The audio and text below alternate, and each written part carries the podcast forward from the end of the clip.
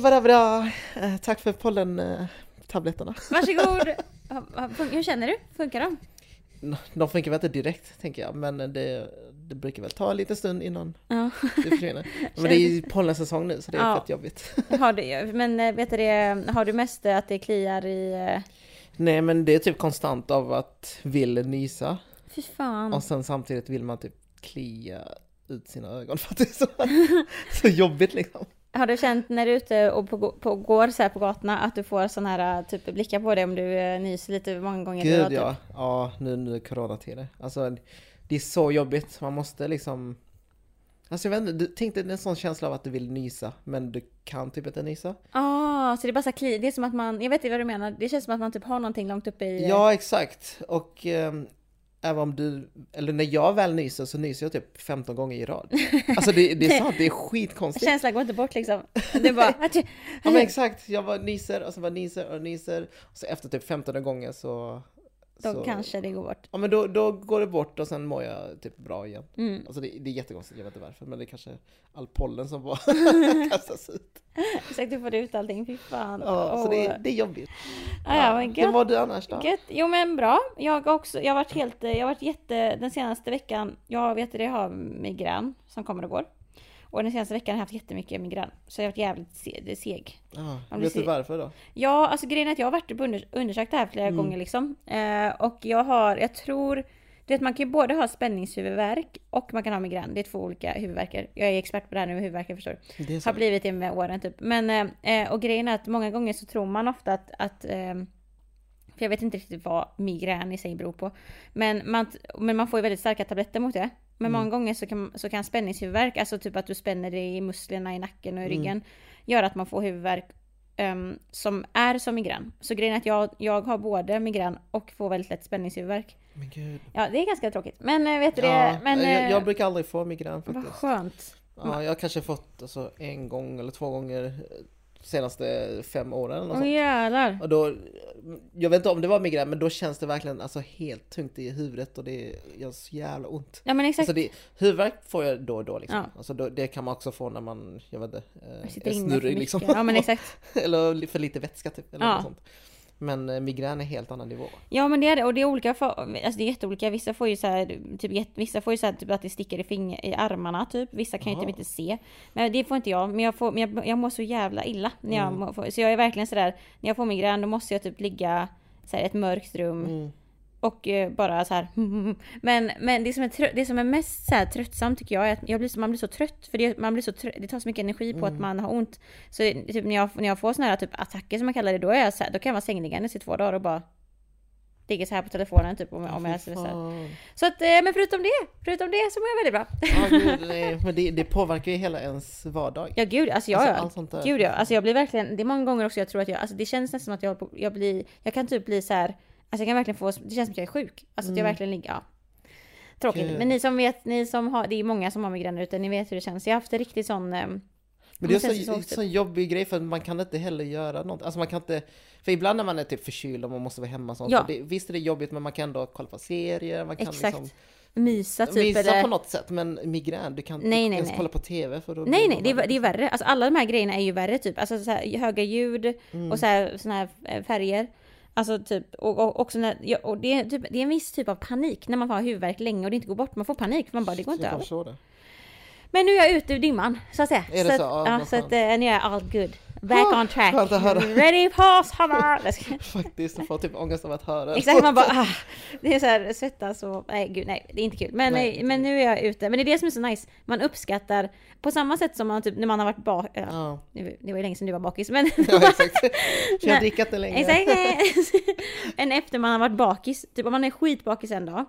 Och sen dagen efter när man vaknar Mm. upp och mår bra. Man är så jävla tacksam. Man bara fy fan. Jag ska aldrig dricka igen. Jag ska aldrig göra så här. Veckan därefter bara shots! Fuck, exakt. Chats! Where are you guys? Nej fy fan, den tiden är över för mig. Det, ja, men, men du vet den känslan den jag pratar Ja, om. exakt. För så är det, när, så känner jag alltid jag när jag vaknar upp när jag inte har migrän längre. Då är jag så här Mm. bara Fy fan vad gött, jag ska ta vara på att jag mår bra. Alltså jag blir helt så här, jag blir jättepositiv på livet. Det kanske behövs sådana dagar. Exakt, jag bara Wee! New life, new me. Jag ska- shit. Så där, där är jag, där är jag just nu på den här söndagen. Men det är bra. Det är bra att ta hand om dig själv. Ina, du är ett importerat problem. Same. Nej men fan, alltså det var, det var så Vi är som... det. En kulturell belastning också är vi. Ja just det. Vi, vi är en kulturell belastning och ett importerat problem. Dun dun dun. Slut! Exakt. meddelandet. What? Nej men eh, när vi släppte förra avsnittet så var det ju ganska stor diskussion.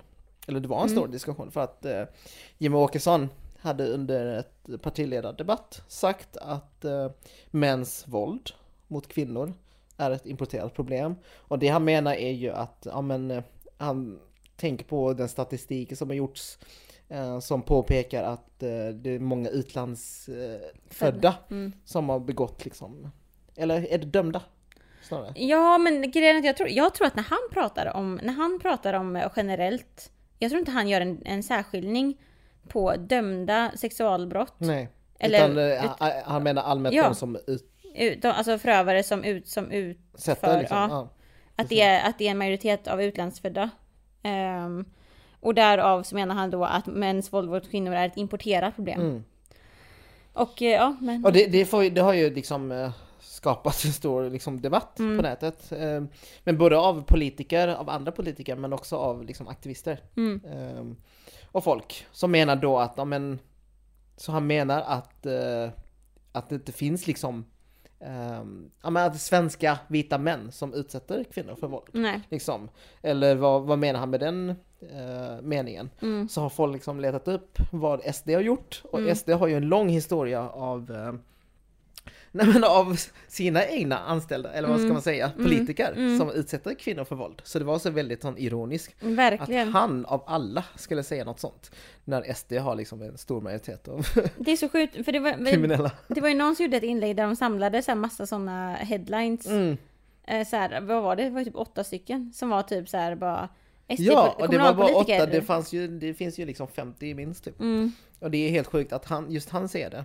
Men det andra kritiken är ju att ehm, att det här är någon slags fokusförflyttning. exakt. Att det är liksom, okej men eh, då, då har vi problemet. Det, män är inte problemet utan det är invandrarmän som är problemet. Istället för att se den gemensamma nämnaren Mm, som är då män. exakt.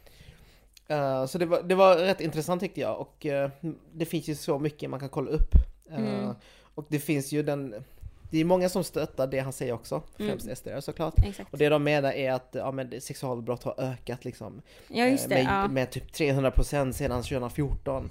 Och det måste ha att göra med invandrar, invandringen, Ja. för att det också har ökat. Mm, Och då ser man två saker som har ökat, då måste de ha relation med varandra. mm, Eh, och det de inte tänker är att det är ju såklart mycket mer komplext än så. mm, Eh, att det är fler som har anmält någon för våldtäkt. Det kan också ha att göra med att kvinnor är mer medvetna idag. mm, Ja, Och att lagen kanske på något sätt lite eh, mer stöttar kvinnor. mm. Eller offren i alla fall. Ja. Med, med till exempel samtyckeslagen som Exakt. kom in för, eh, för tre år sedan. Ja. Och det finns ju statistik som visar att sedan den lagen kom Så har- till ja. så har ju fler anmält. Mm, Och det har också blivit fler eh, fall där män blivit dömda exakt. för våldtäkt. Eller fällande dom liksom. Mm. Eh, jag tror faktiskt ökat med 75%. Shit. Ja. Och också, jag, vet, jag läste att, äh, vet du det, från, eh, på tal om samtyckeslagen, som är så himla bra Mm. och grym. Ida Östensson, en av dem som har drivit, varit jätte, Ja. jobbat med det jättemycket. Jag läste ett inlägg som hon skrev att det första året efter samtyckeslagen kom in så kunde man visa på att, för då hade alla dömda fall analyserats, att sju av tio eh, av alla dömda fall ha, hade, liksom gyn, hade gynnat, gynnades av samtyckeslagen. Mm, Alltså, inte, alltså inte gynnades orätt utan alltså att det har, liksom, eh, det har hjälpt till för att kunna processen, göra en fällande ja, precis. dom. Precis. Exakt, och det är det jag menar också att om, om folk drar upp den att ja, men sen 2014 så har det ökat med 300% eh, eh, ökning av antalet åtal bla bla och allt sånt där så behöver ju inte betyda att det är bara invandrare som Nej, är en del av det liksom. Utan Exakt. det har också mycket med eh, själva anmälningarna och Mm. allt sånt där. Mm. Och sen tänker jag också att just det här med importerat problem och att det är invandrarnas fel och allt sånt där. Det är också ett ganska missvisande begrepp när man pratar om invandring. Mm. Alltså en, en dansk född person som har utfört våldtäkt i Sverige ses ju som invandrare, Mm. alltså i lagens mening. Men... Eh, vet ju om att inte det, är de Ja som... men när vi pratar så här, eller när SD pratar så menar jag absolut inte Nej. Norden eller andra Exakt. europeiska länder. Nej. Utan man pratar ju specifikt om, ja men typ Mellanöstern eller Mm, om, eh, ja men om icke-vita helt enkelt. exakt. Så det är, det är också väldigt så, ja men vad fan, vad, det är väldigt missvisande. Det är det. Och det, och det är så sjukt för att jag vet att det, alltså jag vet, ehm, alltså hela SDs eh, retorik, Mm. det har ju verkligen, alltså det är ju, alltså att de är, vi, pratar, vi- har ju pratat många gånger om SD ur olika aspekter, alltså Mm. i vårat liksom här i podden och du på kontot liksom. Och det är inget nytt att de både är eh, främlingsfientliga, Mm. islamofobiska, invandrar, invandringsfientliga. Mm. De har ju liksom, vi har ju pratat om tidigare vad det faktiskt står på deras hemsida typ. De vill ju Mm. stoppa all, de vill stoppa all invandring från, eh, förutom eh, skandinaviska länder. Liksom de, Mm. de relaterar hed, hedersrelaterat våld med att vara utlandsfödd. Mm. Alltså vi pratar, de här grejerna, de här kopplingarna som de gör till en specifik grupp, det är ju väldigt tydligt. Mm. Och grejen är att någonting som är, som är vet du, det, sjukt intressant utifrån typ ett, eh, utifrån forskningsvärlden, eh, alltså utifrån många av de liksom, teorierna jag har lä- läst i mina utbildningar och sånt där. Jag läste ju en kurs i våras som handlade om så här, jämställdhetsarbete och mångfaldsarbete typ. Mm. Och det finns jätte, och det är jättemånga, inte bara vet du, väldigt så här, framstående forskare inom typ både genusforskning och antirasism, men också eh, när man liksom handlar om att hur man ska typ införa eh, Ehm, så att det blir mer jämställt i liksom olika eh, yrken och sånt där.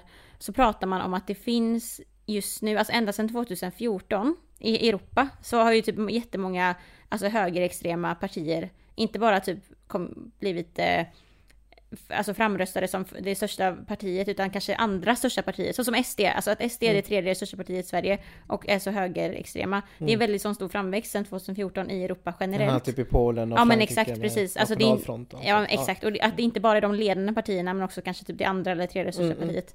Eh, och det som är något nytt, ett nytt fenomen är att alla de här högerextrema partierna som också är ganska nationalistiska Mm. helt plötsligt nu har börjat bry sig om jämställdhet. Ja exakt. Och det har de aldrig, det finns, alltså det finns ingen... Inom ing- eh, citat då. liksom. Inom citat, sig, exakt. För det finns ingen tidigare koppling på dem. Ideologierna går inte ihop. För att alla de här nationalistiska partierna i grunden i sin ideologi är inte för jämställdhet. Nej, nej, för det är, liksom, det, det är ju liksom superpatriarkat och det är Mm. verkligen så här. Ja men det är diskriminerande så. Eh, och då så har man börjat se nu att det verkligen är liksom en trend, alltså en trend kanske man inte ska säga, men det är, nå- det är ett sammankommande fenomen inom Ja. de här partierna. Att Men man det är ju också en trend för att Ja, man men följer ju samhällets... Ja, det är precis. Ja men vad, det, vad som är på agendan och nu är det mycket prat om liksom jämställdhet Ja, och precis. liknande. Så Och man- då, då ja. vill de också liksom locka följare eh, och Mm. att jämställdhet ses ju någonting som man borde liksom Precis. ehm, Ja, och, och då har man börjat använda det här, alltså jämställdhetsfrågan, som ett sätt för att eh, liksom använda argumentet som att vi måste skydda våra kvinnor Ja. från liksom den icke-vita mannen, ofta den muslimska mannen. Mm. Det är liksom, och, SD följer ju det här, den här trenden exemplariskt. Ja. För det är verkligen så här, de, de, deras, de, det är ju verkligen liksom det här, också det här som han säger då att ja, men det är ett importerat problem. Mm. Som att liksom, vi måste skydda våra svenska kvinnor från de här liksom, utländska männen. Mm. Eh, och, det, och, det- och det är ju det som är så farligt också då att när man använder statistiken på fel, eh, på fel sätt. För grejen är att statistik går ju alltid att manipulera. Även Mm. Ja, om det kommer från alltså, verkliga siffror så kan, om man tar det ur kontext så blir det ju helt, kan ju visa upp en helt skev... Eh, Ja, alltså bara Bild. som nu när jag sa ökning av 300% det låter ju skitmycket ja men liksom. exakt.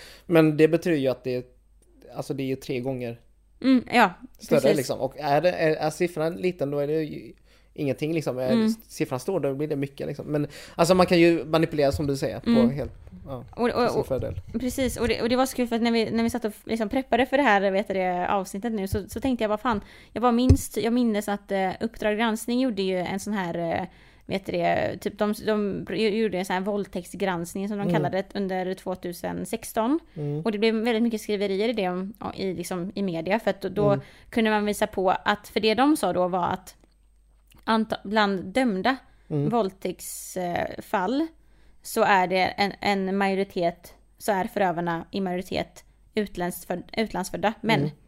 Eh, och, de, och den statistiken nappade ju såklart SD upp på skitsnabbt och många främlingsfientliga liksom. Eh, men, det som, men det som Uppdrag granskning fick så mycket kritik för då var ju att man har ju tagit liksom antalet eh, dömda Mm. Och det är jättefå. Det är jättefå. Alltså under, under 2016 samtidigt, då var det, alltså det var av, det var 6715 anmälda eh, våldtäktsfall, alltså att man har anmält det. 6000? Ja, 6715. Åh, jävlar, ja. Men bara 142 av dem var, blev fällande domar. Mm. Och då har man tagit statistiken från de 142. För att kunna säga att ah, vi har en överrepresentation Jaha, av utländska. Men man bara, att kolla helheten. Precis, för det är ju 6715 och också någonting som jag typ tycker är jätte... Som, jag, ty- jag tycker inte att den diskussionen finns här i Sverige lika mycket som den finns i USA, kanske Mm. inte för att, för att USA är det mycket värre. Men också när man pratar om det här med fällande domar och sånt. Ja. Alltså den institutionella rasismen, Gud ja. den ja. är ju jättestor. Alltså när vi, och då kan man ju verkligen prata på den systematiska av att liksom vilka, vilka, vilka, också vilka är det som blir dömda? Mm. Och det, och, och, och, Och då det, är det inte så konstigt att det är så stor andel. Nej Om, precis. om man, om Om liksom- man har den linsen, om man ser på Ja det med den exakt, linsen. och det är lätt om man inte har den linsen att se bara okej men då drar jag slutsatsen att det är invandrarmän, icke-vita invandrarmän Mm. som är största del av, alltså de som ut, utsätter kvinnor för Exakt. våld liksom. Det är liksom eh, invandrarmän. Och jag tänker också på mycket på, nu när vi pratar om USA och sånt, de har ju lite bättre koll, alltså just på grund av att det finns mer forskning och studier Mm. och aktivisterna där har kommit längre än oss här i Sverige. Eh, Och då tänker jag också på den socioekonomiska biten liksom, när det kommer till, eh, men, ja, men, till kriminalitet. Mm, Om vi tänker på kriminalitet, då tänker vi ofta på, men då kanske vi tänker på orten, vi tänker på icke-vita som begår brott i Mm. form av ja, men både våldtäkter men också to- alltså, i i form av droger Ja. och vapen och sånt. Men det man inte tänker på är ju att de som har ekonomiskt bättre, de kommer också undan mycket lättare. Mm. Alltså det finns ju så mycket fall där eh, rika då, Mm. eh, eller folk som inte är socioekonomiskt Mm. utsatta, som begår de här handlingarna Mm. och kommer undan. Alltså det är ju så många fall med skattefusk, det är så Ja, många exakt. fall med alltså, rika som tar droger. Ja, alltså det är Alltså helt bara- öppet liksom exakt. i rika områden. Det är sjukt mycket sånt som händer men det är ingenting skriveri om det. nej, Utan det är lättare att peka finger åt ett redan utsatt område. Ja. och område liksom. Så det är, det är också det som man måste få med i åtanke och vilka är det som är socioekonomiskt alltså, utsatta liksom, Mm. i samhället? Exakt. Och det är ju liksom främst icke-vita. Exakt. Så det är ju en fråga, en fråga om, men också om fattigdom och eh, hur den korrelationen med eh, Ja, de som blir precis. dömda också. eh, Precis, för det är det, och, och, då, och då blir det så enkelt också typ att när det finns här nå, någon typ av statistik som skulle kunna förvrängas till SDs Mm. fördel typ. Så som nu då, när, när han liksom säger att oh, men det är liksom det är den statistiken säger, men vad nej. Alltså Mm. statistiken, det beror på i, i vilken jämförning du gör det med liksom. Ja. Men det är också så, jag tycker ju också att det är så, det är ju verkligen Alltså det, någonting som många, som vi också pratade om ganska mycket när vi har pratat om det här med eh, men hedersrelaterat våld eller Mm. sånt där liksom att Eller bara generellt våld mot kvinnor, om Mm. vi bara tänker våld mot kvinnor Det som är den, och som liksom de flesta aktivister säger eller som alla säger egentligen, som liksom för den här kampen, är att liksom det, en- den enda gemensamma nämnaren är att, att förövarna ofta är män. Mm. Men också de patriarkala strukturerna som inte är kopplat till någon form av geografisk plats. Nej. För det finns ju överallt. Mm. Och jag menar, det var ju... eh, Vem var det som sa, det var någon nu som sa, för det känns som att hela, det som hela våren har varit väldigt mycket fokus på våld mot kvinnor. För att det har verkligen varit så jäkla mycket, Och det grejen är att det är ju inte något ovanligt heller. Det har varit mycket sen innan Ja. också. Men det är väl, jag vet, jag vet inte varför, men det har väl blivit uppmärksammat på ett annat sätt nu Mm. typ. För att eh, under, var det mars eller april? ja men precis. Att, ja, där det varit väldigt tätt intill. Mm, Eh, och stora fall liksom. Så det är väl blivit det som gjort att det kommer upp på kartan igen fast mer tydligt kanske. ja men exakt. Mm. Men då var det, jag minns inte vem, vem av alla aktivister som har pratat och sagt så mycket bra grejer som sa typ att Gud vad enkelt det hade varit om, om våld mot kvinnor från män hade varit geografiskt lokaliserat på en plats. För då hade man ju bara försökt att inte bo där. Liksom, för att det hade varit så här, för det är ju så många som menar då på att ja men våld mot kvinnor är ett importerat problem, typ så här. Om det hade varit så som Ja. Jimmy har sagt, man bara ja men då, så här, alltså, vi som i västvärlden som ofta har, som ändå har det ganska ekonomiskt ställt, vad enkelt det hade varit för oss då, då hade vi bara kunnat undvika att bo i vissa länder. Fast så är, det är ju inte det, det, är inte det verkligheten säger, för det finns ju överallt. Exakt. Så jag menar, ja. Ja, nej det är sjukt alltså. Mm. Men det, det är sjukt viktigt och sen tänker jag också att det är klart man ska även kunna liksom prata om hur- om liksom, eh, ja men om invandring liksom och kritisera den delen också liksom. Japp, Det är mm. liksom helt okej. Mm. Det är klart att man också ska kunna göra det. Men eh, det är nog också bra att checka sig själv, alltså att man inte Exakt. tar den eh, slutsatsen att det är ett importerat problem just för att då blundar man för verkligheten. Alltså att det Exakt. finns så många liksom, vita svenskar som Precis. Utsätter för våld, Mm. kvinnor för våld. Och genom att liksom sätt, eh, ha någon slags syndabock så blir det ju att man det är lättare att prata om dem liksom, Mm. än se sig själva i sin egen trädgård eller vad man ska säga. Liksom. Nej men precis, exakt för det blir ineffektivt. Alltså det är, Mm. det är inte, det är inte liksom... Det är ju, man jobbar ju emot en, en lösning på hur, hur det faktiskt är liksom. Istället för att prata om eh, grupp, alltså männen grupp, Ja, män som exakt. grupp. Så det är väl det som eh, man försöker få liksom SD fatta men det går ju inte för att de, de, de har ju en agenda liksom, när de säger sådana här saker. Det handlar ju inte om att skydda sina kvinnor utan det handlar ju ren och skär om att, eh, om att skapa ett samhälle som består främst av bara vita liksom. Mm. Så att man kan ha de här traditionella eh, normerna och rollerna som Mm. det har funnits eh, i Sverige 1930 liksom. Mm. Och det är den bilden de har av ett perfekt samhälle. De vill ha ett sånt där kvinnan är i köket och Mm. tar hand om sin familj medan Exakt. männen är liksom, gör sin karriär. Så det är, det är sjukt skrämmande faktiskt när man tänker på deras eh, dolda agenda Mm. som egentligen inte är så dold. Men- Nej. Och de vill också, ta, också varit, de vill nämna att de vill ta bort eh, all genusforskning och jämställdhetsforskning. Ja, samtidigt så säger de att vi är för jämställdhet. Ja. Jag följer en kille på Instagram som heter Henrik Wallström. Mm.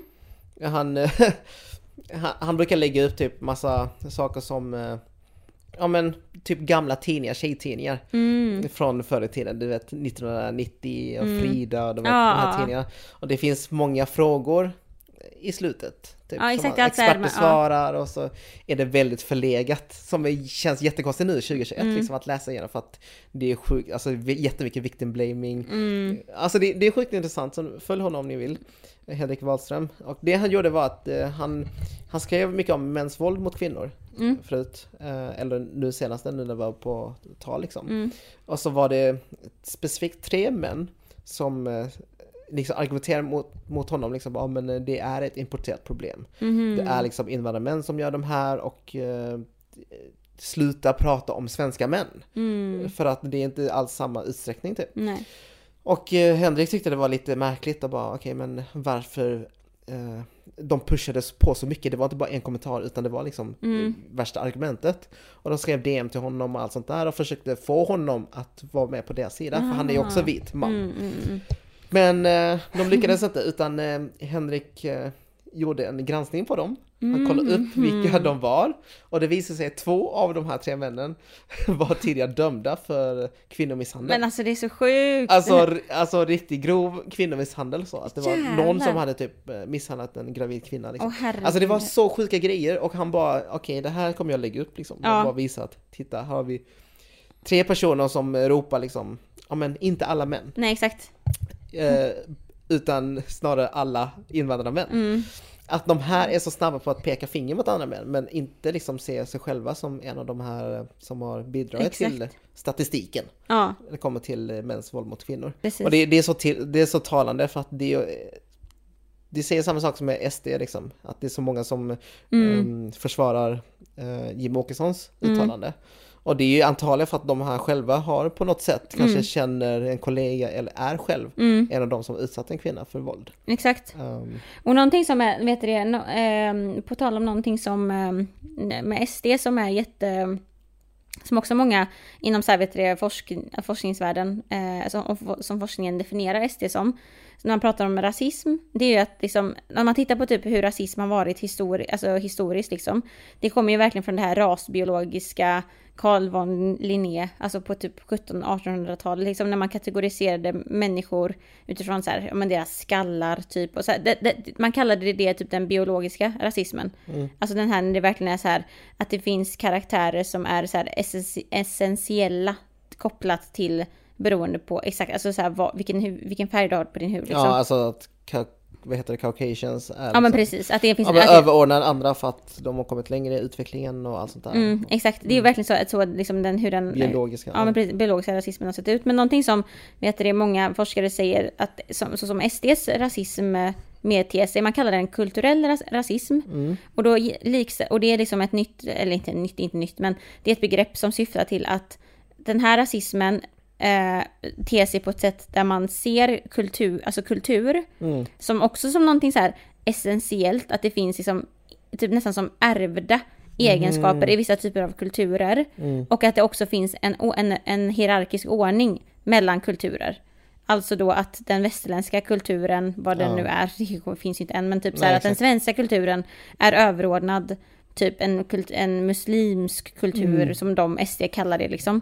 Ehm, så att det är det som, och, och det är det som gör typ den här typen av rasism, det är typ det som gör både, menar de här forskarna då, att SD kommer undan så himla lätt, för det är inte den, här, den är inte kopplad till hudfärg på samma sätt Nej, som man har liksom lärt sig det liksom i skolan typ, för det är ju typ den rasismen vi pratar om Ja, i grundskolan liksom. Det är Vi inte pratar alltid om hudfärg men inte om... eh, men inte om typ så här, ja men typ så här kulturer då, för det är ju verkligen det man pratar, för det är ju verkligen så som SD gör, alltså de pratar ju i sin retorik, de särskiljer hela tiden om att vi i Sverige, det ingår inte i våran kultur, vi gör inte så här. Mm. Alltså på, dera, på deras eh, hemsida så står det jättetydligt nu från 2021 att eh, vi tillåter inte, vi vill inte tillåta extremism och eh, typ islam i vårt Sverige, det ingår inte i vår kultur. Det är verkligen så här, så man har förflyttat den här, eh, alltså Mm. vet du det, ra- rasist, den här överordningen till kultur snarare än typ den här biologiska och det- delen. Och det är det som gör att SD kan upprätthålla den så mycket Ja, mer. ja. Men det är, det är hela deras... eh, För det är som du säger, de har ju ändrat, bytt retorik helt och hållet liksom. Mm. Alltså man pratar inte om rasism längre utan man pratar om främlingsfientlighet liksom. Mm. Men det, vadå främlingsfientlighet? Alltså vi två blir också utsatta för, inom citat nu, främlingsfientlighet. Mm. Japp. Fast det är ju rasism. Ja men precis. Vi, oavsett hur länge vi bor i Sverige så ses vi alltid som främlingar. Alltså det, det finns ingen anledning att kalla det för främlingsfientlighet för det, det har ingenting med främlingar att göra. Alltså Nej. en dansk som kommer till Sverige ses inte som främling. Nej, Utan det, det är ju, det är ju någon, någon svensk som Precis. pratar danska typ. Alltså det, En Sverigevän. det, det, det, det är som, eh, det är så viktigt att prata om eh, hur den retoriken ser ut idag. Liksom. Exakt. För att det, det pratas inte om rasism längre. Nej, och det är därför man, och det är viktigt om man verkligen vill typ på något sätt kunna eh, liksom eh, jobba emot detta så måste man ju så här, så- bryta ner det för att verkligen kunna se vart diskrimineringen ligger. Mm. Så att man kan liksom jobba motverkande mot liksom. Men ja, så det var eh, en till runda av SD, SDs lilla outbursts. som Ja, de- och det kommer aldrig sluta liksom för att det, så länge de är så här pass stora och Mm. har så många som eh, blint liksom eh, följer dem utan att ens kritisera det egna Mm. partiet så kommer vi alltid behöva eh, kritisera dem för att eh, det hjälper inte att vi blundar för deras Nej. uttalanden bara, "Ja, men det är bara något eh, dumt sagt liksom. Exakt. Utan Det påverkar så mycket just för att eh, Det gör ju det. mm, det, det skadar faktiskt riktiga människor Mm, i samhället. exakt. Woohoo! Vad kul att det är så här. Det känns som att det, det känns som att eh, det senaste, men nu under våren, det är så här. Eh, SD kommer alltid in för de, är, de, har alltid, det är alltid någon koppling till dem för de gör alltid Mhm. något weird. Och våld mot kvinnor. Det känns som att, alltså inte bara i en svensk kontext, men det känns som att det är de grejerna som liksom Ja, har... och det, det är jättebra att det tas upp nu liksom. Mm. Alltså, visst, det har alltid behövts tas upp, eh, även liksom innan metoo och under metoo och även nu liksom. Mm. Men eh, det, det finns så många olika nivåer på det. Eh, det behöver inte vara fysiskt våld heller, utan nu typ senast så, ja men vi, vi kommer in på det här med eh, Billie Eilish och Vogue-covern. Ja, precis. Och kortfattat så, det handlar inte om våld utan det handlar bara liksom om ren och skär, om en sexism liksom. Ja, nu i det här fallet. Ja men också kritiken, alltså, eller om allting om hur kvinnor ska klä sig och inte ska klä Mm. sig. Att vi återigen ska prata om en kvinnas kropp. Mm. Det, det går lite hand i hand med hela mäns våld mot kvinnor. Liksom. Ja, för det är liksom hela- patriarkatet mm. och allt det där. För att det är en del av det tyvärr, samhällets eh, könsroller och allt, alltihop. Men kortfattat så var det liksom en cover. Eh, Hon har ju länge Alltid typ egentligen. Ja men alltid, hon har ju gått liksom i, i baggy clothes, alltså Ja. man säger, liksom i hoodies och ja, men stora byxor och allt sånt där för att hennes kropp inte ska synas, alltså Mm. formen och allt sånt där. Eh, och ja, hon, vi kan ju tänka att hon har ju varit barn också. Mm. Eh, Hennes karriär började väldigt tidigt, Mm. jag vet inte om det var liksom 13 år gammal Mm, eller något sånt. typ, ja, hon var ju- Skittidigt. Ja, hon var väl typ 16 och redan hade Ja. sålt helt. Och du, när hon är 19 år, Mm. eh, så skulle hon släppa typ ett nytt album. Mm. Så valde hon att eh, ställa upp på en eh, cover på Vogue. Mm. Eh, och eh, ändrade sin image helt och hållet. Mm. Alltså hon, hon har Klass. gammeldags, Ja. eller klassisk eh, pinuppa. Ja men exakt. eh, jag vet inte hur jag ska förklara det men väldigt sånt. Ja, men eh, Marilyn Monroe typ. Ja, exakt. Med korsett, eh, med eh, blont hår och... Ja men eh, hon har på sig underkläder bara på den bilden. Ja, exakt, underkläder. På den här Vogue fr- framsidan och hon skriver liksom, ja men det känns, eh, ja men det känns bra att bara liksom kunna göra lite hur jag vill och det känns skönt att Vogue uppfyller mina önskemål Mm. med det här photoshoot liksom, Mm. för att det var det hon ville eh, få fram. Mm. Och eh, det har hon fått skitmycket skit för, eh, men också hyllningar såklart. Mm. För att det inlägget blev typ, alltså hon nådde så många miljoner bara på under några minuter liksom. Jäklar. Likes på Instagram. Ja för det blev så. För att man blir så Alla- chockad ja. för att även innan det fotoshootet så hon var ju blond men hon hade på sig peruk för att efterlikna det gamla Billie Eilish. Mm. Så hon gick runt liksom eh, med sina ja, men, baggy clothes och Mm. helt plötsligt så släpper hon allting och Alltså bara. liksom visar upp sin kropp och sin tatuering som hon sagt att hon inte någonsin kommer att visa upp den typ. Mm. Och det är en tatuering som är vid eh, med typ eh, Låret? höften liksom. Ja. Ah shit det visste inte jag. ja, så den syntes liksom på Alla måste ju gått bananas och bara, Ja, "Oh my exakt. God!" Alla fans som verkligen ville se tatueringen, de bara åh jävlar, nu får vi äntligen se den. Tänk hur många som zoomat in på den bilden bara Ja, exakt. Men sen har hon såklart också fått mycket kritik ehm, av olika håll. mm, Ett håll från, om en typ, tänk dig liksom män och kvinnor som tycker att hon, hon säljer ut sig själv, hon säljer Mm. grejer med, säljer grejer med tjejer liksom, om du Ja. hört det här innan. Eh, och sen har hon så fått kritik av, eh, ja, men av feminismen, som- feminister som menar att eh, hon följer liksom patriarkatets ärenden. mm, Att hon utifrån en manlig lins, ja, alltså the male gaze, ja, att hon liksom står här, är jättesexigt och visar upp sina bröst liksom Mm. och sin kropp och försöker sälja eh, sitt nya album. mm, via genom att Ja. sexualisera sin kropp typ. Så man är besviken på henne, man tycker att hon eh, hon, är, hon kan inte kalla sig för feminist längre för att hon, eh, ja, att hon liksom Mm. säljer sig själv typ. Eh, och jag, jag tycker det är så, så jävla synd bara för att jag, jag förstår kritik om det handlar mer om på strukturell nivå. Mm, Men när det kommer till individnivå, speciellt Billie Eilish Mm. som inte har levt i vakuum liksom och bara inte fattar någonting utan hon har själv pratat väldigt mycket om, om kroppsskam. mm, Om att hon har liksom känt skam över sin kropp och det är därför hon bar de här kläderna. mm, Men att hon idag vill liksom äga sin kropp och mm. hon är inte längre ett barn och hon vill ändå visa upp den för att, Ja. hon, för att hon vill. Ja men exakt, för bara liksom- basic line, att hon vill. Punkt. Ja, exakt, för att hon vill. För det är det hon säger om och om igen och eh, det får hon inte för att vi vet tydligen bättre om vad hon vill än vad hon Exakt, än själv vad hon vet. Ja. Ja, exakt. Så man förminskar ju hela hennes liksom, tankesätt och hela hennes eh, fria vilja. Om det nu finns eller inte, det, det kan jag inte gå in på. Liksom. Men eh, på något sätt måste vi ändå låta en individ göra det den vill. Mm, Eh, och hade hon inte haft korsett och kanske bara ett vanligt photoshoot där hon hade klackar på sig.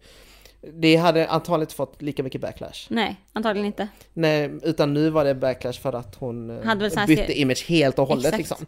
Så det, det är lite, det, det är någonting som skaver. Så det jag gjorde var att jag skrev ett snabbt inlägg på natten typ och jag bara försvarade hennes eh, rätt att göra som hon vill. Utan att liksom bli eh, socialt dödad på Instagram typ. eller Ja exakt, och bara skrev bara liksom, ja men eh, man får liksom börja särskilja lite på strukturnivå och individnivå liksom. Mm. Strukturnivå, fine, jag är på helt och hållet. Mm, Det är jätteviktigt att kolla på varför kvinnor på, på det, porträtteras på ett sätt. mm. Medan män porträtteras på ett annat sätt och om män gör samma sätt så får de inte alls samma kritik. Nej och precis. Och de, mm, hela det här jada jada liksom som Mm. eh, jag antar de flesta är insatta i. Eller för, hoppas jag förstår liksom. mm, Eh, och försvarade bara hennes rätt och säger att, eh, att hon har inte tappat min respekt alls liksom. mm. Utan hon får göra som hon vill Ja. på individnivå. Eh, och det här klingade ju inte rätt heller för uh, radikalfeminister på Instagram. Här i Eh, Sverige liksom. Ja, exakt här i Sverige. Eh, Det var specifikt en, Cissi Wallin, som eh, taggade mig på en story där hon liksom bara rakt av kallade mig för historielös, analyslös, eh, att jag var vettig och sånt innan men att jag nu skrev ett jätteproblematiskt inlägg. Mm. bla, värsta, värsta sidan av kapitalismen. Eh, det kallar nu så här influencers tänkvärt. Hallå, vad hände med dig? Du är en vettig människa. Vad är din analys i det här? Det är så här, den här kvinnliga världsartisten, hon är liksom, hon tar makten över din kropp. Hon är empowering nu.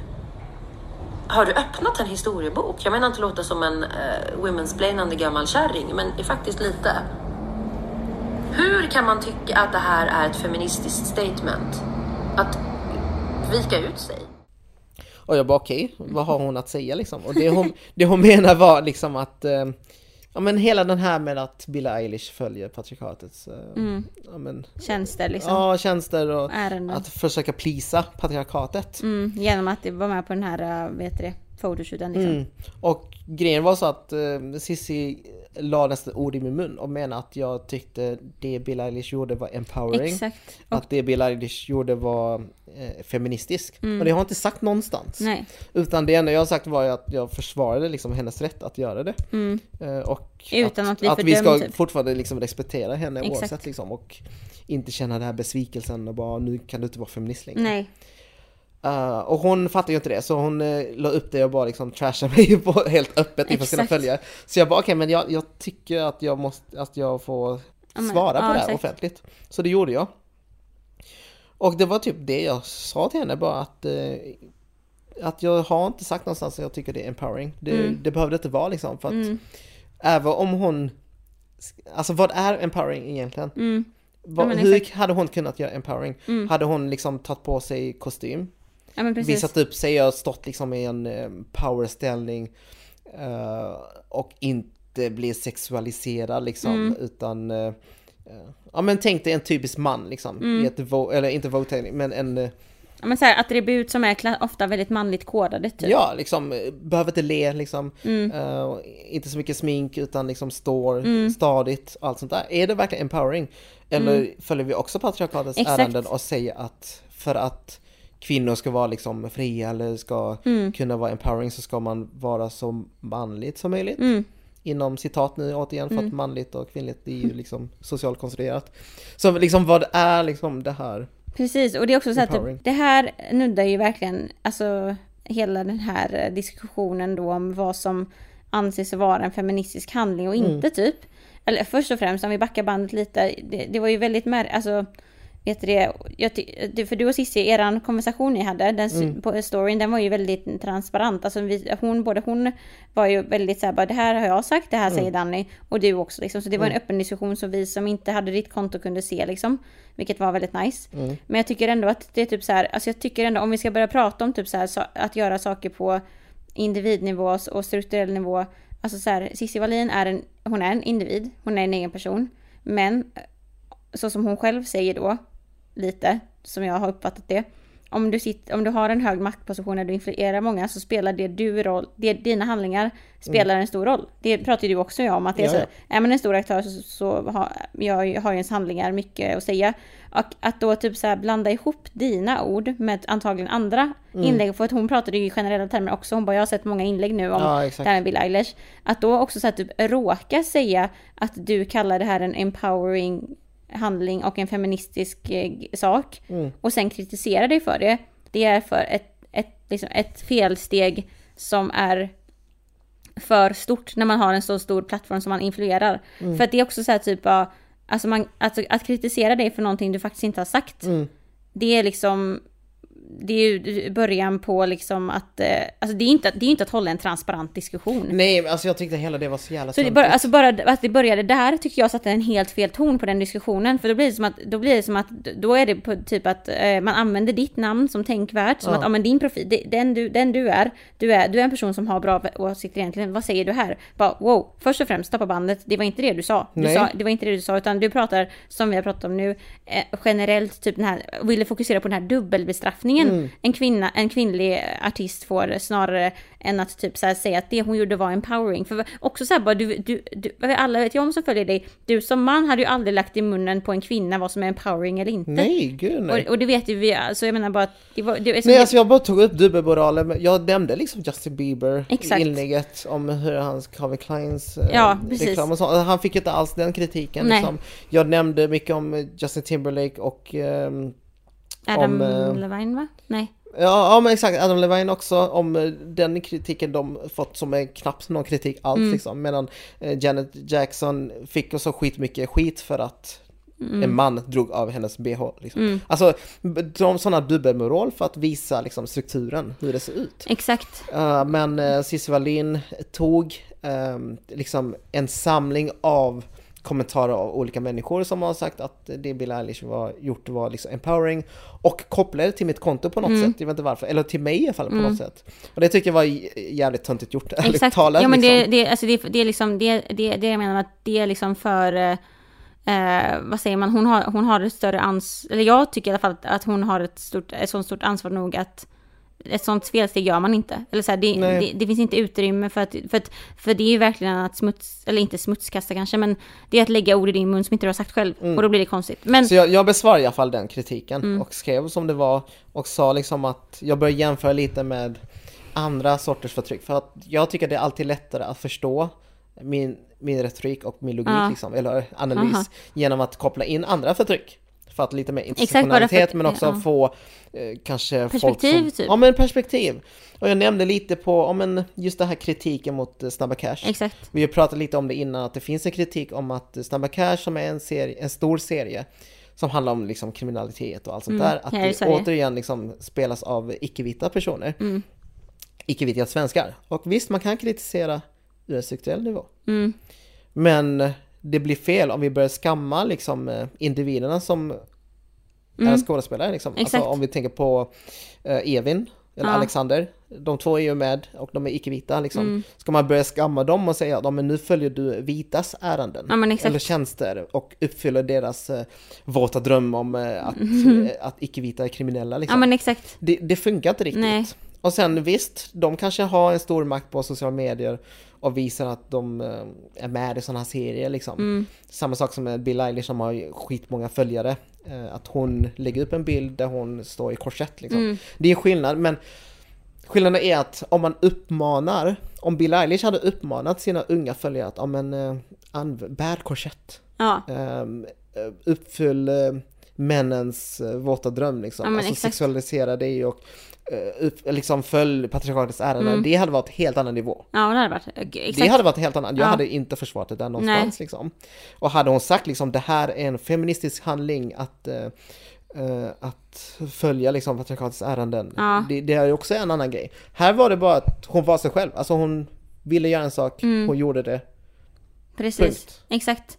Men jag tycker, exakt, och jag tycker ändå, nu, nu pratar jag kanske, nu pratar jag mer om mina åsikter än, dina Danny, men vi, nu när vi pratar om detta kommer vi ju komma fram till vad vi bägge tycker. Men jag tänker också typ det här med att nu, nu är ju Cissi Wallin, nu kommer hon ju från en, från en gren inom feminismen kan man väl säga. Mm. Um, som jag vet inte ens själv vad jag tycker, alltså så här, jag vet inte riktigt själv vad jag tycker om det här med, för vi, det här som vi har pratat om typ, ja men som kvinna liksom. Att eh, någonstans pratar man om att oh, men feminismen det handlar om att vi ska ha samma möjligheter som män. Mm. Och att det här fria valet. Och så är det många som menar på att men kan en kvinna ens ha ett fritt val inom den patriarkala strukturen som kvinnor mm. befinner sig i? I form av att liksom, ja men är det, även fall jag väljer att, eh, men som Billy då, alltså att, eh, att liksom posera med korsett liksom. Även fall det är mitt fria val, kan det tas utifrån att kontexten av att det är ett ideal som är till för att liksom tillfredsställa man, män inom en heterosexuell sexuell norm liksom. Men grejen är också så här typ, jag vet inte, alltså jag tycker typ att, jag vet inte, det är så svårt det där. Ja, Men vad som är så här alltså, bara... jag, jag, jag tror typ inte att vi har riktigt ett fritt val. Nej. Alltså en fri vilja, om om vi tänker på att vi Tänk dig, vi hela vår uppväxt, vi lever i ett samhälle som hela tiden liksom tycker undan kvinnor. Ja, Eller, eller icke-vita för Ja. den delen, eller homosexuella liksom. Mm. Hela tiden. I media, i, alltså i allt du ser, allt Mm. du integrerar med, så Mm. är det hela tiden man Exakt. trycker undan.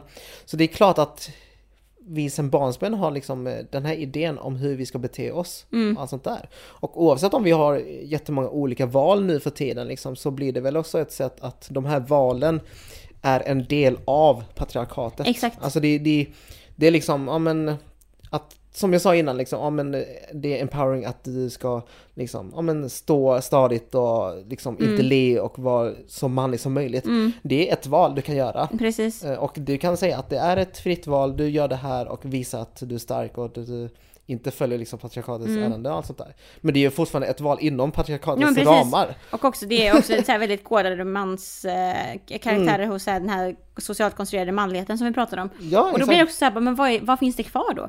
Alltså vad finns det kvar för mig att göra som då ska på något sätt vara någon form av autentisk kvinnlighet som inte är berörd av varken att vara översexualiserad för mannens the Mm. man gaze eller att vara som en man för att då få, få makt genom att vara manlig. Alltså var är min, vart någonstans kan jag Alltså, vara typ, liksom? det, det typ det går tror jag för att det är så Nej, exakt. genomsyrat hela alla våra normer och allting att vi gör liksom oavsett vad vi gör i det privata eller offentliga så Mm. blir det politiskt liksom. Mm.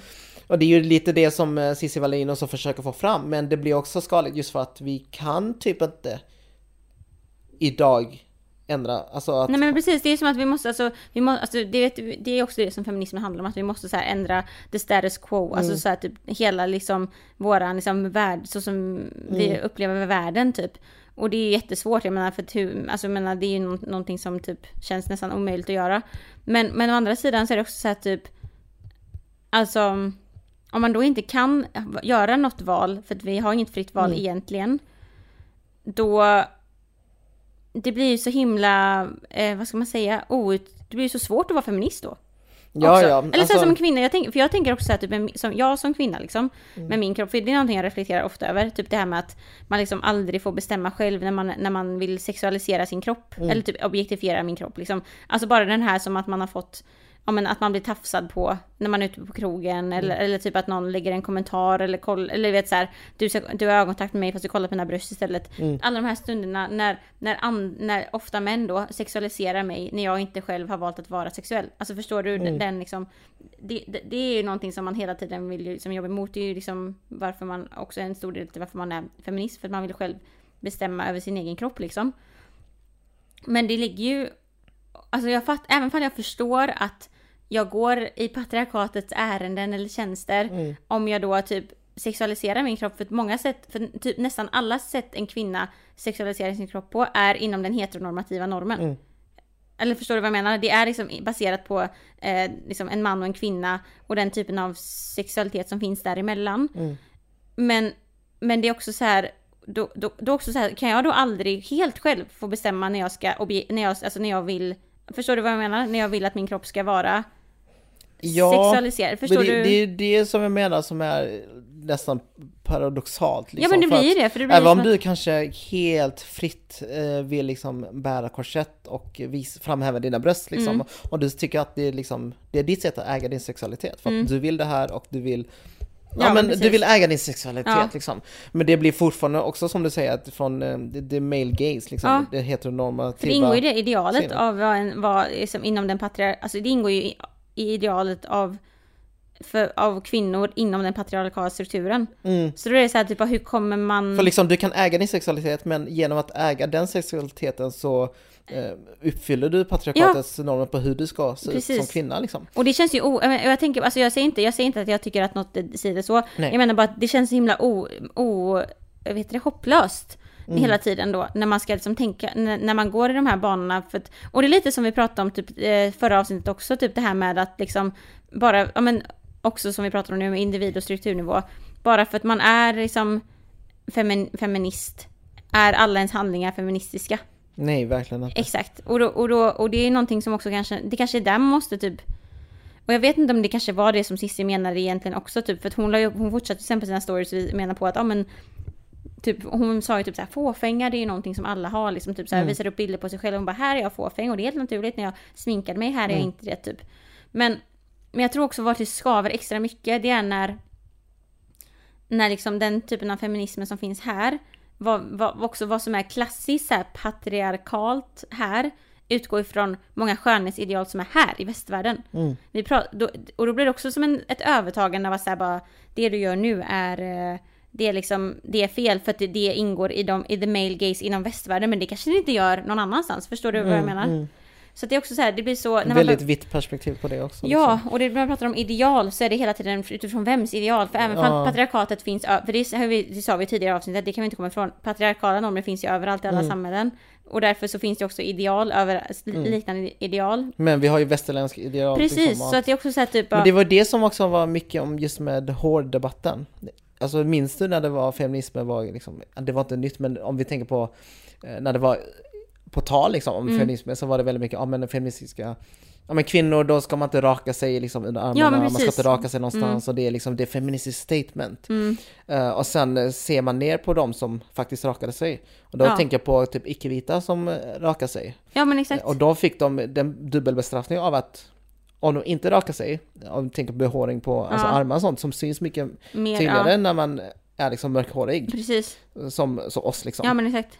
Eh, att om de inte rakar sig så får de fett mycket liksom skit för det. Ja, Eh, men om de gör det så får de också skit av, feminist, av vita feminister Precis. för att de rakar sig och in, att Exakt. de följer liksom patriarkatets eh, ärenden Mm. för att de inte är naturliga Nej. utan de måste raka sig och liksom Mm, uppfyller mm. den version, idealet av hur en kvinna ska Ja. vara. Liksom. Förstår du liksom Ja, att hela exakt. den, det blir liksom dubbelstraffning och det som gynnas det är ju såklart mannen. mm. Han gynnas oavsett vad kvinnor Exakt. bråkar om just nu liksom. Det är så, alltid ja. mannen, men sen andra nivån är ju vita kvinnor Ja. som gynnas av det här också. Exakt. Och det, forts- det, det du säger nu, det fortsätter också exakt det här med typ öv- översexualiseringen av svarta kvinnor. Mm. Om vi typ tänker på hela musikvärlden just nu. Om vi tittar på typ så här Megan Thee Stallion Mm. exempelvis. Alltså så här, bara, alltså om vi tittar på typ eh, i liksom hur, liksom i väster, alltså i typ eh, ja men typ så här skönhetsidealen som finns i västerländska samhällen där liksom majoritetsbefolkningen är majoritet vita. Där man nu som så börjar göra så Brazilian, alltså att man gör så här Mm. butt implant, alltså att man börjar så typ hypersexualisera vissa karakt- alltså karaktärsdrag som hos vi- vita kroppar inte är liksom så, alltså som, så förekommande utan man måste göra en operation Mm. för att det ska bli så. Och då blir de kvinnorna som opererar sig med fillers i läpparna Mm. eller gör sin rumpa större eller brösten större, då blir de översexualiserade. För den typen av look på vita kvinnor Mm. kopplas till någon form av så översexualisering. Medan om vi då pratar om Megan Thee Stallion, Som som, naturligt. som naturligt ser ut så liksom, då blir hon översexualiserad Ja. för att det finns ett ideal på vad typ en mer hypersexualiserad kvinna är i vita samhällen. Mm. Och det är ju samma sak där. Att det blir det så här, då blir hon dubbelbestraffad för att hon då ska, för hon ses som någon så här super, eh, ja men så här inte naturlig. Ja eh, exakt, och man bara, det är inte deras fel, alltså det, Nej, men de är födda sådär liksom. Och det är det som är liksom skadligt med vit feminismen i det hela liksom, Mm. eh, som, som är på något sätt genomsyrar de diskussionerna vi har just Ja. nu liksom. Att eh, ja, men man börjar liksom se Beyoncé som inte feministisk ikon längre för att hon, hon har, ja men du vet den kroppen Ja. som man hypersexualiserar. Eh, och att, eh, ja men typ musikvideor som WAP och allt sånt Ja, där. Liksom, att man pratar väldigt mycket om att det är att följa liksom patriarkatets ärenden och hela den debatten utan att se hur det ser ut eh, på andra kroppar än vita Exakt, kvinnors kroppar. Liksom. precis. Så allting grund, det, i slutändan så blir det dubbelbestraffning vad man än gör. Exakt. Och det är lite det som jag vill liksom lyfta fram och prata om det strukturella planet och prata om de här dubbelbestraffningarna. Mm. Prata om liksom på varför liksom män och kvinnor um, ses på olika liksom, sexuella ramar, Mm. eller sexistiska ramar. Uh, och liksom bara lyfta den frågan för att jag tycker att det är en viktig fråga att Mm. lyfta. Och sen på individnivå, vi alla är så jävla olika. Vi har Mm. olika kroppar. Vi har olika kroppar som sexualiseras på olika sätt. Japp. Uh, så Billie Eilish, hon är 19 år nu. Hon, hon har pratat länge om kroppsskam. Att Mm. det är liksom hennes sätt att Ja men är det frigörelse för henne att gå från att skämmas som fan för sin kropp till att nu faktiskt våga visa upp den liksom? Mm. Fine, låt henne göra Ja det. det. Det finns ingen anledning att skamma henne och säga att, ja, men, eh, att hon men på något sätt liksom förstör hela feministiska rörelsen. Nej. För att hon har inte sagt att det här är feministisk Nej. handling. Hon kan fortfarande ha gjort en problematisk handling liksom, som spär på eh, den ideala bilden på hur en kvinna ska se ut. Liksom. Mm. Men eh, mår hon bra av det här, liksom, då ska hon kunna få göra det. Exakt. Det är liksom det, är det jag liksom försöker påvisa. Mm. Eh, samma sak med ja, men, men kvinnor som bär hijab. Liksom. Mm. Eh, vill de göra det så låt dem göra det. Exakt. Använd inte dem som en någon slags slag, alltså slagträ för att prata om eh, hederskontext. Liksom. Nej. Alltså sådana saker. För det, vi måste särskilja eh, individer och eh, Struktur. strukturer. Mm. Det, det är liksom bara det. Men nej, det, det, det var så konstigt bara när jag blev taggare och fick liksom försvara någonting som jag inte ens har sagt. Exakt. Eh, Och det är det, som är grundläggande, för det, det händer ju dig väldigt ofta. ja, att, det, att du ska försvara Att- saker du inte har sagt. ja, jag vet inte varför, men eh, nej, folk kan kommentera sådana saker liksom under underlägget om Mm. de vill, men det, det betyder inte att jag håller med de som kommenterar. Exakt. Det är liksom, Ja, jag vet det, jag har en lite rolig, eh, nu, var inte, nu kanske, vi sa att vi ska ha roliga nyheter, Exakt, ja. det är inte rolig nyhet kanske, men rolig feedback. Mm. Efter förra, vårt förra avsnitt, Ask Us Anything, ja. så fick jag väldigt många som skrev bara, gud vad kul det avsnittet var. Mm.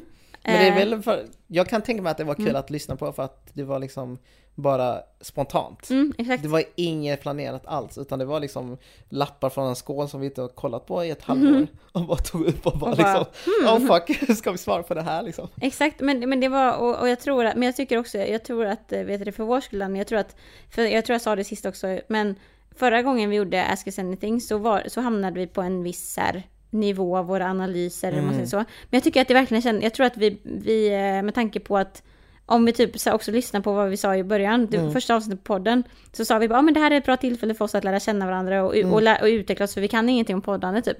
Och jag tror fan att eh, förra avsnittet var ett resultat på att vi har liksom eh, Gud vad bra. Ja, det är bättre. Så vi borde, vi, jag tänkte säga att vi borde ha ett, eh, börja ha en sån toll igen snart. Där vi samlar in nya mm, Ja, frågor och ja, sånt. frågor Ja. Så vi kan göra det, ja nu ska vi ha det varandra, vi vet ju. 29 avsnitt. Precis, 29. Men, Det är snart. Exakt, det, det är det snart. var nio det avsnitt. var så, exakt. Nej men det är fan, ja det är faktiskt, det var askul för att Mm. jag fick också lite feedback om den och folk tyckte bara det blev kul att svara på frågor liksom. Ja, men och exakt. att det var inte så långa sekvenser på... Nej, men nu var liksom två stora nyheter som vi tagit på en timme liksom. Mm, Men jag tror folk gillade det lite kortare mm, eh, och fler exakt. ämnen. Men, eh, nice Yes, Danny. tagga Eurovision. Just det! Ska, ska du, nej men det är ju nästa vecka, Ja, eller nu på lördag liksom. Precis. Jag, jag såg att de, jag, jag vet att de är i eh, Amsterdam och repar och sånt där, Mm. hela gänget. Kul, ska du vara med och kolla? Eh, Nästa vecka? Ja. Ooh. Nu på lördag. Oh God, så ni ska, hosta, ni ska hosta det här hemma hos er? Ja, Då vet jag att det kommer bli crazy med tanke på din sambo. exakt. vi älskar Eurovision. Fan vad Vi kul! lyssnar på alla liksom bidrag och allt sånt här. Då kanske vi kan klippa in jag, lite. ah, jag hoppas verkligen på Schweiz vinner. Alltså de var så bra låt. Alltså jag, jag, ska, jag har inte lyssnat. Men jag ska eh, lyssna till nästa vecka. Då ska jag Yes, gör det. Okej. Yes, så så hörs vi om två veckor. Hejdå! Hejdå!